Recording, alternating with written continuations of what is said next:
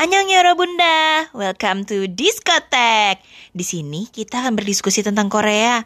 Tapi yang dibahas yang cetek-cetek aja. Karena ini Diskotek, diskusi Korea cetek. Iya, sesuai judul, di episode ini gue mau kupas tuntas tentang wamil. Jadi ini tuh sebenarnya gue kepikiran ide bahas wamil tuh karena ada DM yang masuk Terus dia nanya, wamil apa kak? Hmm, jujur itu DM-nya gue cuekin. Karena gue pengen langsung bawa orangnya ke air terjun terdekat ya pengen langsung gue guyur aja digurujuk aja sama air terjun. Biar langsung cah biar kayak langsung tercerahkan aja gitu pikirannya ya. Soalnya kayak ini orang baru banget di perkoreaan apa gimana ya? Gitu kayak pertanyaannya awam banget bu. Aduh tapi kayaknya harus ya, jadi nggak apa-apa lah ya, uh, buat pengetahuan juga gitu. Mungkin ada yang udah tahu, tapi masih setengah-setengah ya, lumayan lah ya, nambah ilmu juga di episode ini. Jadi wamil itu adalah singkatan dari, iya, bukan wanita hamil ya.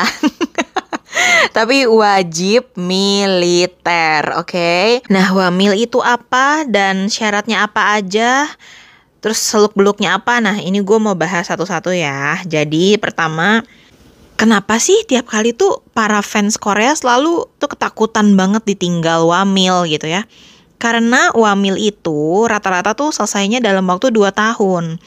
Tapi sebenarnya dari tahun 2020 ada yang udah dikurangin sebenarnya masa trainingnya gitu ya. Jadi kalau jadi army itu cuma 18 bulan, jadi kayak cuma satu setengah tahun aja. Tapi kalau Navy yang angkatan laut itu tuh 20 bulan, sedangkan angkatan udara itu 22 bulan. Jadi tergantung si orang ini daftarnya tuh di bagian apa gitu ya. Jadi sebenarnya wajib militer tuh wajib, tapi mereka bebas memilih mau masuk ke divisi apa. Jadi sekarang ngerti ya kenapa para fans Korea itu ketakutan banget kalau opaknya harus wamil gitu karena ya waktunya tidak sebentar gitu. Terus udah gitu nggak menghasilkan dong, nggak dapat uang dong selama mereka wamil. Ya sebenarnya sih ada gajinya loh ternyata gitu walaupun tidak seberapa ya. Ini gue catat yang paling kecil gajinya itu sekitar 450 ribu won. Kira-kira kayak sekitar 5 jutaan, 5-6 jutaan lah ya sebulan gitu dan itu buat di Korea sih sebenarnya kecil banget beneran deh itu kayak belum tentu bisa cukup buat kehidupan sehari-hari gitu ya. Dan yang paling tingginya jabatan sersan aja cuma 600 ribuan won. Itu kalau dirupiahin kayak 7 jutaan doang gitu ya. Jadi nggak terlalu gede sih memang. Karena memang tugasnya ya mengabdi untuk negara gitu, bukan buat cari uang juga ke sini ya. Emang siapa aja sih yang wajib ikutan wajib militer ini? Yang pasti mereka harus berkewarganegaraan Korea Selatan ya. Ini gue nggak ngomongin korut ya. Dan yang ikutan wamil itu cuman laki-laki ya. Jadi buat perempuan ya nggak akan lah ya ikutan wamil kayak gini walaupun ada tentara perempuan tapi bukan masuk ke dalam wajib militer memang mereka yang memilih profesi sebagai tentara aja. Terus yang ikutan wamil itu sebenarnya udah bisa dimulai dari mereka waktu umur 18 tahun. Dan sebenarnya kalau buat warga biasa itu tuh maksimal umur 28. Tapi kalau buat artis kadang tuh kayak dikasih keringanan sampai akhirnya mereka tuh maksimal umur 30 pokoknya udah harus wamil gitu ya. Karena ya kalau makin tua staminanya juga makin menurun kan. Jadi kasihan gitu nanti yang ada mereka nggak bisa kuat selama trainingnya gitu. Terus gimana kalau warga negara Korea tapi tinggalnya di luar negeri? Nah ini juga banyak kan. Ternyata Korea tuh ngasih kelonggaran sampai umur 36 maksimal. Kalau sampai nolak atau cari-cari alasan lah gitu biar gimana caranya nggak wamil, mereka tuh bisa sampai di penjara 3 tahun kalau punya multinationality gimana gitu? Karena kan zaman sekarang banyak ya orang Korea nikah sama orang di luar Korea gitu. Akhirnya anaknya punya beberapa nationality gitu. Cuman pas umur 18 itu harus menentukan mau ambil nationality yang mana. Kalau ambilnya Korea ya harus wamil tapi kalau ngambilnya bukan yang Korea ya udah nggak nggak apa-apa nggak wamil gitu. Cuman berarti di Korea dia harus pakai visa kerja gitu Terus sebenarnya kenapa sih Korea masih ada wajib militer gitu-gitu gitu kayak kolot banget sih gitu. Sebenarnya alasan utamanya ya yaitu karena si kakak tirinya si Korea Utara itu memang masih negara yang gitulah tau lah ya. Jadi makanya Korsel pun masih jaga-jaga. Kalau misalnya tiba-tiba Korut ngajak perang, Korsel udah siap gitu. Terus kenapa sih kok para fans kayak sedih banget ditinggal Wamil? Aduh, geng gimana nggak sedih? Karena selama wamil tuh ada beberapa hal yang tidak bisa dilakukan sama para uh, lelaki yang sedang wamil itu ya. Gue nggak cuma ngomongin idol doang gitu. Karena memang ini berlaku buat semuanya. Jadi yang pertama itu yang sudah sangat amat pasti mereka tuh nggak boleh pegang HP. Kebayang nggak? Jadi sebenarnya ya bukan cuma fans aja yang ketar-ketir kalau opanya lagi wamil. Bahkan orang Koreanya pun sering banget akhirnya putus sama pacarnya karena wamil. Karena mereka ditinggal 2 tahun tanpa HP gitu. Padahal gimana cara komunikasinya gitu ya. Bisa sih ngunjungin, tapi kan gak mungkin tiap hari gitu. Walaupun kalau nggak salah dari tahun 2020 ya, kalau nggak salah ya, katanya udah boleh pegang HP asalkan bukan di jam training. Jadi kayak ya malam boleh lah gitu. Tapi dibatasin kayak cuma sejam atau dua jam gitu. Makanya banyak banget kasus akhirnya putus karena wamil gitu. Nah fans juga ketakutannya sama karena kalau nggak bisa pegang HP gimana idola kita bisa update sosial media gitu Karena memang sebenarnya selama wajib militer ini tidak boleh muncul di mana-mana beneran nggak boleh muncul di mana-mana. Kalaupun harus bertugas outdoor ya dia harus memposisikan diri sebagai petugas gitu, bukan sebagai artis idola gitu. Jadi kalau misalnya artis idola kita gitu ya lagi wajib militer terus dia lagi jaga misalnya jadi satpam di depan museum apa gitu. Itu bisa banget loh. Dan ada aja fans yang tahu memang gitu tapi nggak boleh foto bareng nggak boleh difoto nggak boleh disebarin juga fotonya. Jadi bener-bener apa ya ya bertindak sebagai petugas aja. Terus kenapa sih nggak boleh pegang HP sebenarnya lebih ke alasan keamanan sih. Karena kan pasti banyak rahasia negara yang dipelajari ya selama masa training. Kalau misalnya dia pegang HP, dia bisa aja bocor gitu ke pacarnya kayak ke orang tuanya gitu kan atau lebih parah lagi kalau bocornya ke sosial media gitu. Jadi ya jangan sampai rahasia negara ikutan bocor. Sebenarnya e, lebih kepada alasan itu sih gitu. Selain memang harus fokus training ya. Terus udah gitu larangan selama wamil berikutnya adalah rambutnya nggak boleh gondrong. Uh, pakai pomade juga nggak boleh ya jadi nggak boleh di stylish. Bener-bener uh, rambutnya ya cepak aja biasa gitu nggak boleh macem-macem. Bahkan selama cuti pun harus tetap cepak kebayang nggak? Tapi katanya per tahun 2020 ini banyak perubahan. Katanya kalau lagi cuti bolehlah gondrong sedikit gitu. Nggak harus rambut army banget gitu. Tapi kalau dulu-dulu tuh bener-bener rambut pun nggak boleh berubah selama hampir 2 tahun itu ya. Terus apakah selama wamil nggak bisa ke mana-mana banget? Enggak juga, sebenarnya ada cutinya juga. Cutinya lumayan sering sih gue bisa bilang, bisa dua kali dalam sebulan. Tapi ya kadang kan di ini ya disimpan ditabung gitu, jadi kadang dipakainya langsung dua minggu gitu. Cuman memang selama pandemi kayak Pak Bugom itu harusnya kan baru keluarnya April ya. Tapi karena dia ngabisin cuti di bulan Februari, akhirnya pas dia ambil cutinya terus langsung sama si apa tempat militernya kayak ya udah deh nggak usah balik lagi gitu itu banyak yang kayak gitu sih selama pandemi ini mungkin karena kalau udah keluar lama gitu ya ke lingkungan biasanya pas balik lagi tuh kayak harus karantina lagi mungkin agak repot gitu. Jadi ya udahlah nggak usah balik lagi aja gitu. Lumayan ya yang wamilnya pas lagi pandemi. Ini kayak blessing in disguise. Nah terus gue mau bahas juga apakah wajib banget ikutan wamil gitu ya. Walaupun judulnya wajib, tapi ada beberapa kasus yang bisa jadi pengecualian. Yang pertama itu kalau misalnya punya kelainan fisik dan mental. Sebenarnya udah pasti ya, karena kan untuk uh, wajib militer ini tuh trainingnya berat banget, terutama pakai fisik gitu ya. Jadi ya harus kuat fisiknya gitu. Memang sebelum wajib militer pun walaupun wajib, tapi ada kayak medical check upnya gitu loh, kayak dicek semuanya banget sampai ke histori penyakitnya. Kalau misalnya ada yang nggak bagus ya nggak bisa masuk juga gitu. Ini salah satunya yang karena kelainan mental itu ada Park Hejin. Sebenarnya gue nggak tahu ya dia kena mentalnya tuh kenapa, tapi sepertinya sekarang udah lumayan sembuh ya harusnya ya karena udah aktif banget. Tapi mungkin dulu waktu umur dia harusnya wamil, dia tuh lagi depresi. Jadi dia nggak usah wamil gitu. Terus yang kedua, pengecualian wamil berikutnya itu kalau punya penyakit yang parah banget, apalagi kayak kayak kanker, kayak tumor gitu, itu jelas tidak mungkin ya.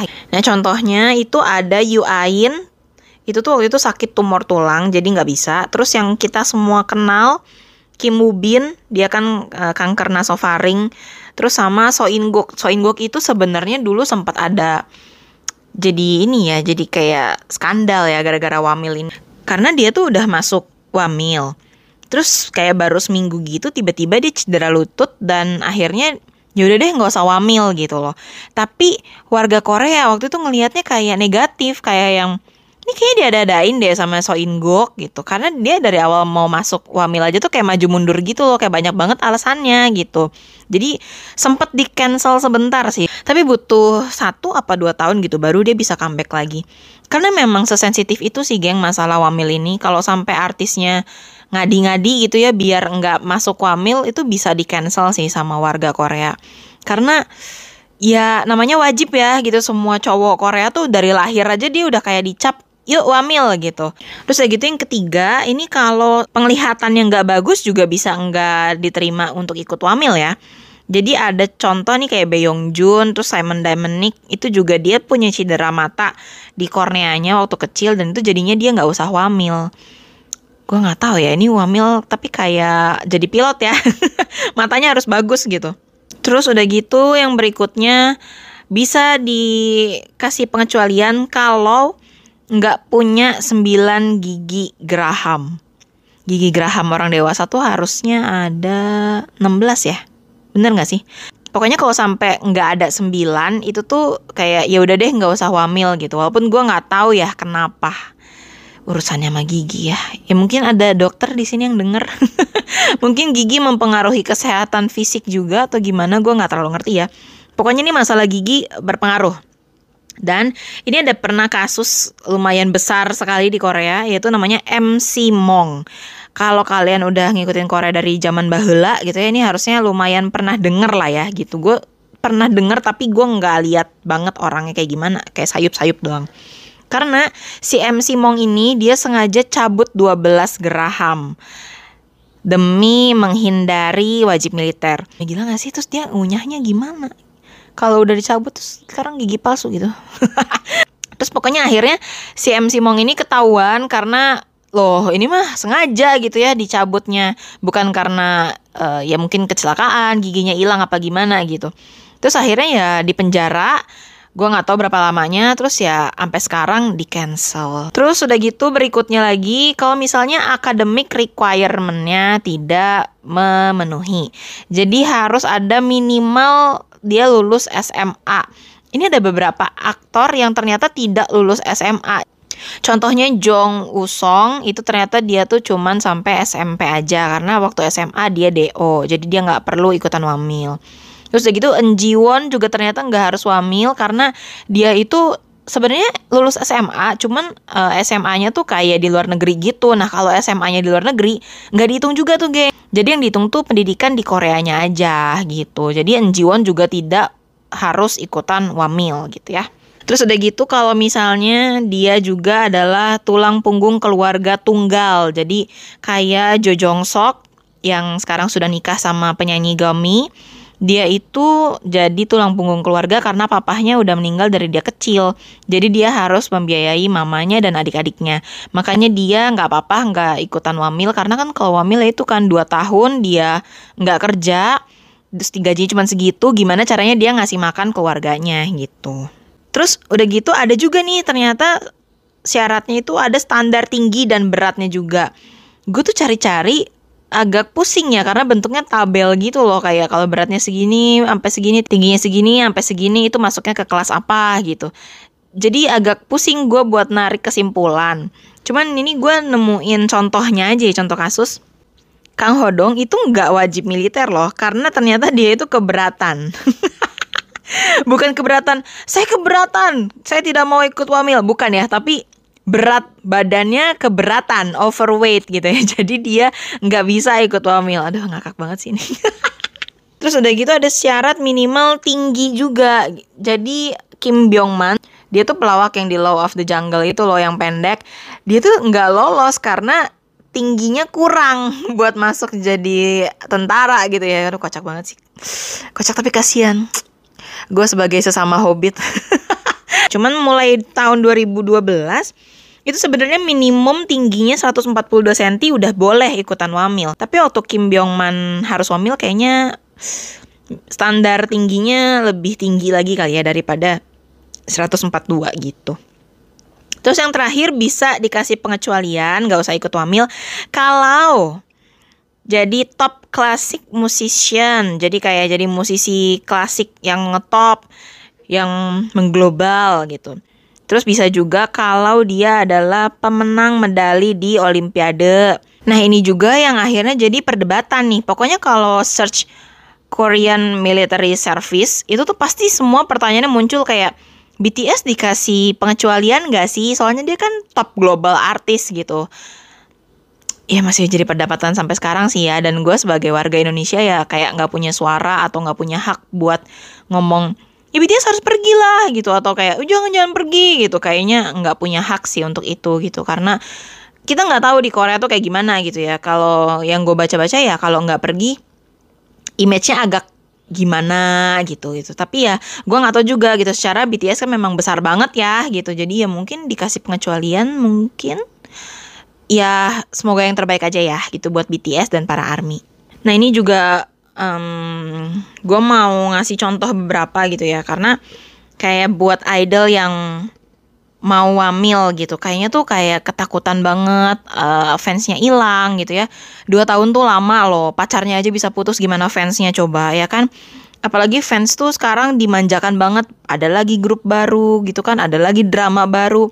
Gampang banget oleng gitu. Jadi kalau gue sih pengen ngasih wejangan menurut gue sih gitu dari sudut pandang sebagai fans dua tahun itu tidak lama tapi tidak sebentar juga memang gitu. Kita pasti kangen banget sama idol kita gitu ya. Tapi alangkah lebih baiknya kalau dalam satu grup idol itu mendingan perginya langsung segambreng aja rame-rame gitu. Karena kalau misalnya hiatusnya rame-rame, comebacknya juga rame-rame dan kita kehilangannya ya dua tahun aja gitu. Kalau misalnya wamilnya satu-satu gitu karena pikirannya aduh nggak apa-apa deh si A pergi si B jadi bisa solo dulu biar nggak kosong-kosong amat nih grup activity-nya gitu misalnya. Tapi kenyataannya dengan satu-satu pergi itu tuh malah jadi memperlama comeback secara grup gitu. Makanya kalau ditanya BTS mending pergi apa enggak kalau gua pribadi walaupun gue bukan army tapi melihat fenomena BTS yang sedebak ini menurut gue sih mendingan dia tetap wamil karena mereka tetap cowok Korea kan dan perginya langsung barengan aja gitu. Tapi selama pergi ya bisa lah dari sekarang sebelum pergi rekaman dulu aja gitu. Jadi keluar lagunya aja tapi nggak ada promosinya gitu. Menurut gue itu akan mengobati kerinduan para fans sih. Jadi selama mereka mengabdi kepada negara 2 tahun, ya fans tetap bisa dengerin karya-karyanya gitu. Dan nanti pas comeback, jadi semuanya udah beres wamil ya kan? Dibandingin satu-satu nih contohnya ya, yang wamilnya satu-satu tuh kayak 2PM. Hiatusnya sampai 5 tahun. Segitu padahal ada Nikun ya yang warga Thailand jadi nggak ikutan wamil Korea gitu kan. Lumayan difur tuh ya. Terus gimana kalau aktor? Nah, kalau aktor sebenarnya tuh aktor tuh kan debutnya lebih tua ya dibandingin idol. Kalau idol tuh kan kayak umur 16, ada yang 15 udah debut gitu. Jadi mau hamil dulu juga belum sempet karena memang umurnya belum boleh untuk wajib militer. Sedangkan untuk aktor biasanya tuh kan mereka debut tuh umur 22, 23 gitu ya. Kayaknya sedikit sih aktor yang mulai debutnya sebelum umur 20. Jadi sebenarnya kalau menurut gue aktor tuh bisa banget loh wamil dulu sebelum memulai karirnya. Nah ini ada beberapa aktor yang pinter nih. Jadi sebelum debut dia udah wamil duluan. Yang pertama yang pastinya kalian semua tahu itu adalah Park Sojun. Ini opa tuh kayaknya udah tahu deh dia bakal sukses.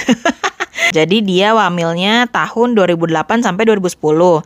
Nah, dia kan baru debutnya 2011. Jadi aman tuh. Gua kan sering ngomong ya, aktor itu umur matangnya umur 27 sampai 29 kayak sebelum 30 dikit lah gitu. Itu tuh kayak lagi damage-damage-nya banget kan buat aktor. Nah, Pak Sojun Opa ini waktu umur segitu tuh dia lagi meranin Hwarang, dia lagi Fight for My Way dan pas umur 30 dia itu lagi what's wrong with Sekretari Kim gitu. Jadi benar-benar keputusan tepat dia sudah wamil duluan. Jadi seudah dia meroket kayak there's no turning back gitu. Benar-benar ya udah dia cuman melangit aja gitu sekarang. Sampai akhirnya sekarang dia bisa membintangi film Marvel gitu. Keren banget. Terus udah gitu ada Huang In Yop Aduh yang bikin gue lagi falling in Yop Aduh Nail dong ganteng banget sih pusing. Jadi In Yop itu debutnya tuh umur 26 dan itu tuh jadi model dulu Baru pas di umur 27 jadi aktor Nah sebelum itu ya udah pastilah ya dia udah punya banyak waktu banget lah buat wajib militer. Jadi pas dia lagi ranum-ranumnya kita nggak ditinggal. Terus Jong Hae In, aduh si opa muka bayi ini dia dari umur 21 udah wamil dulu. Terus ada juga Jang Dong Yun. Ini gue baru tahu sih ternyata dia sudah wamil. Dia tuh dari lulus SMA udah langsung hamil tuh ya jadi tahun 2012 sampai 2014 padahal abis itu dia juga nggak punya kepikiran buat jadi aktor sih tapi dia lebih merasa kayaknya karir gue akan lebih mulus kalau sudah hamil duluan gitu tapi gimana kalau memang dia dari awalnya udah aktor cilik gitu ya? Jadi mau nggak mau dari kecil memang sudah aktif jadi aktor. Mau nggak mau nanti harus ada masa hiatus 2 tahun untuk wajib militer. Nah di sini gue mau ngasih contoh yang paling tepat itu Nam Darem. Aduh. Dia tuh feature heartbroker banget. Ganteng banget. Beneran deh dia ganteng banget dia tuh sering banget jadi pemeran kecilnya si Manlit mau Manlitnya siapa aja masa kecilnya tuh sering banget nam daram dan bahkan tuh kadang si Manlitnya aja kayak jiper gitu ya kayak hah masa kecil gue ganteng banget Nam Daram tuh seganteng itu, geng. Dia tuh udah debut dari tahun 2009 di Boys Before Flower. Dia tuh jadi masa kecilnya Jihun Sonbe yang jadi Hwachelenya itu loh Kim Hyun Jung. Sebenarnya dia udah wajib militer dari tahun kemarin deh kayaknya. Pas dia umur 20, dia langsung daftar wajib militer dan itu keputusan yang tepat sih menurut gue. Karena sebagai aktor cilik, kadang tuh kita ngelihat dia image-nya kayak anak kecil terus kan. Kita tuh butuh break dulu, nanti pas balik dari militer kayak Nah, gitu kayak wah, namja gitu. Menurut gue sih itu penting ya buat aktor cilik gitu supaya image-nya nggak anak kecil terus gitu. Jadi memang harus ada break sebentar. Walaupun ini juga dibutuhkan buat para aktor cilik yang cewek ya kayak Kim Yoo Jong, Kim So Hyun gitu. Itu butuh juga karena kalau nggak kita image-nya ke mereka tuh kayak anak kecil terus. Mereka kissing-sin kita malu sendiri gitu ya kayak ngeliat adik sendiri ciuman gitu. Jadi butuh si break itu. Terus udah gitu kalau udah terlanjur nih ya udah aktor dari kecil tapi belum sempat wamil karena kerja terus gitu ya kayak Yojingu atau aktor lain yang mulainya nggak kecil-kecil amat tapi belum wamil sebelumnya gitu. Karena nggak tahu nih kok ternyata gue bakal meroket gitu ya. Menurut gue sebenarnya ya nggak apa-apa gitu. Karena walaupun nggak wamil kadang kita juga kehilangan aktor ini bertahun-tahun gitu ya. Memang nggak ada aja yang cocok di dia dramanya gitu. Jadi ya nggak apa-apa sih. Cuman kalau memang harus pergi meninggalkan kami kayak tahun depan itu waktunya Songkang sama Namju ya aku hamil tapi gue udah mikirin kayak astaga dua dedek kesayanganku hamil bersama ya Tuhan menurut gue kalau yang kayak gitu mendingan ya kayak enam darem yang syuting dulu sekarang ya nggak apa-apa deh kurang tidur kurang tidur gitu. Tapi ada karyanya nanti pas mereka wamil jadi kita nggak kehilangan.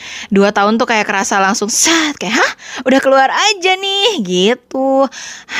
Padahal gue selalu khawatir kalau bias gue kurang tidur lah kantong matanya gede lah mata panda lah. Tapi kalau kayak gini gue kayak udahlah ya Usah tidur aja. Songkang nih kan lagi syuting lagi Sweet Home yang season 2 ya kan? Nam Joo Hyuk juga lagi pertimbangin itu kan Drama action itu. Udah syuting aja. Jadi pas kalian wamil gue gak terlalu kehilangan. Tapi please dramanya gak usah tayang bareng lagi ya. Pusing bagi hati. Atau nih kalau para Yoro Bunda bener-bener kayak Gak bisa gue ditinggal 2 tahun Gue pasti belok Gue pasti oleng ya udah ini option terakhir nih ya. Mendingan suka sama aktor yang berkewarganegaraan bukan Korea aja. Ada loh. Kalau idol banyak. Tapi kalau aktor itu kayak ada Cheusi. Dia kan warga negara Kanada makanya uh, dia udah umur 30 lebih tapi kan kita nggak kehilangan karyanya ya. Dia tiap tahun main film, terus kemarin main drama Where We Love Summer. Jadi tidak terputus cintanya. Dan yang pasti aktor kesayangan kita sekarang An Hyosop. An Hyosop. dia tuh warga negara Kanada. Jadi dia tidak akan wamil dan tidak akan meninggalkan kita. Sumpah ya, gue tuh kalau udah nemuin aktor baru yang gue suka, gue tuh pasti langsung cari di Wikipedia. Kayak dia kelahiran berapa, dia debutnya kapan gitu. Terus yang pasti muncul paling atas juga tuh warga negara. Nah pas tahu An Hyosop itu warga negara Kanada, gue kayak langsung lempar bunga, lempar konfeti, langsung lempar kembang api, meledak-ledak kayak, oke, okay, gue gak akan ditinggal, yeay!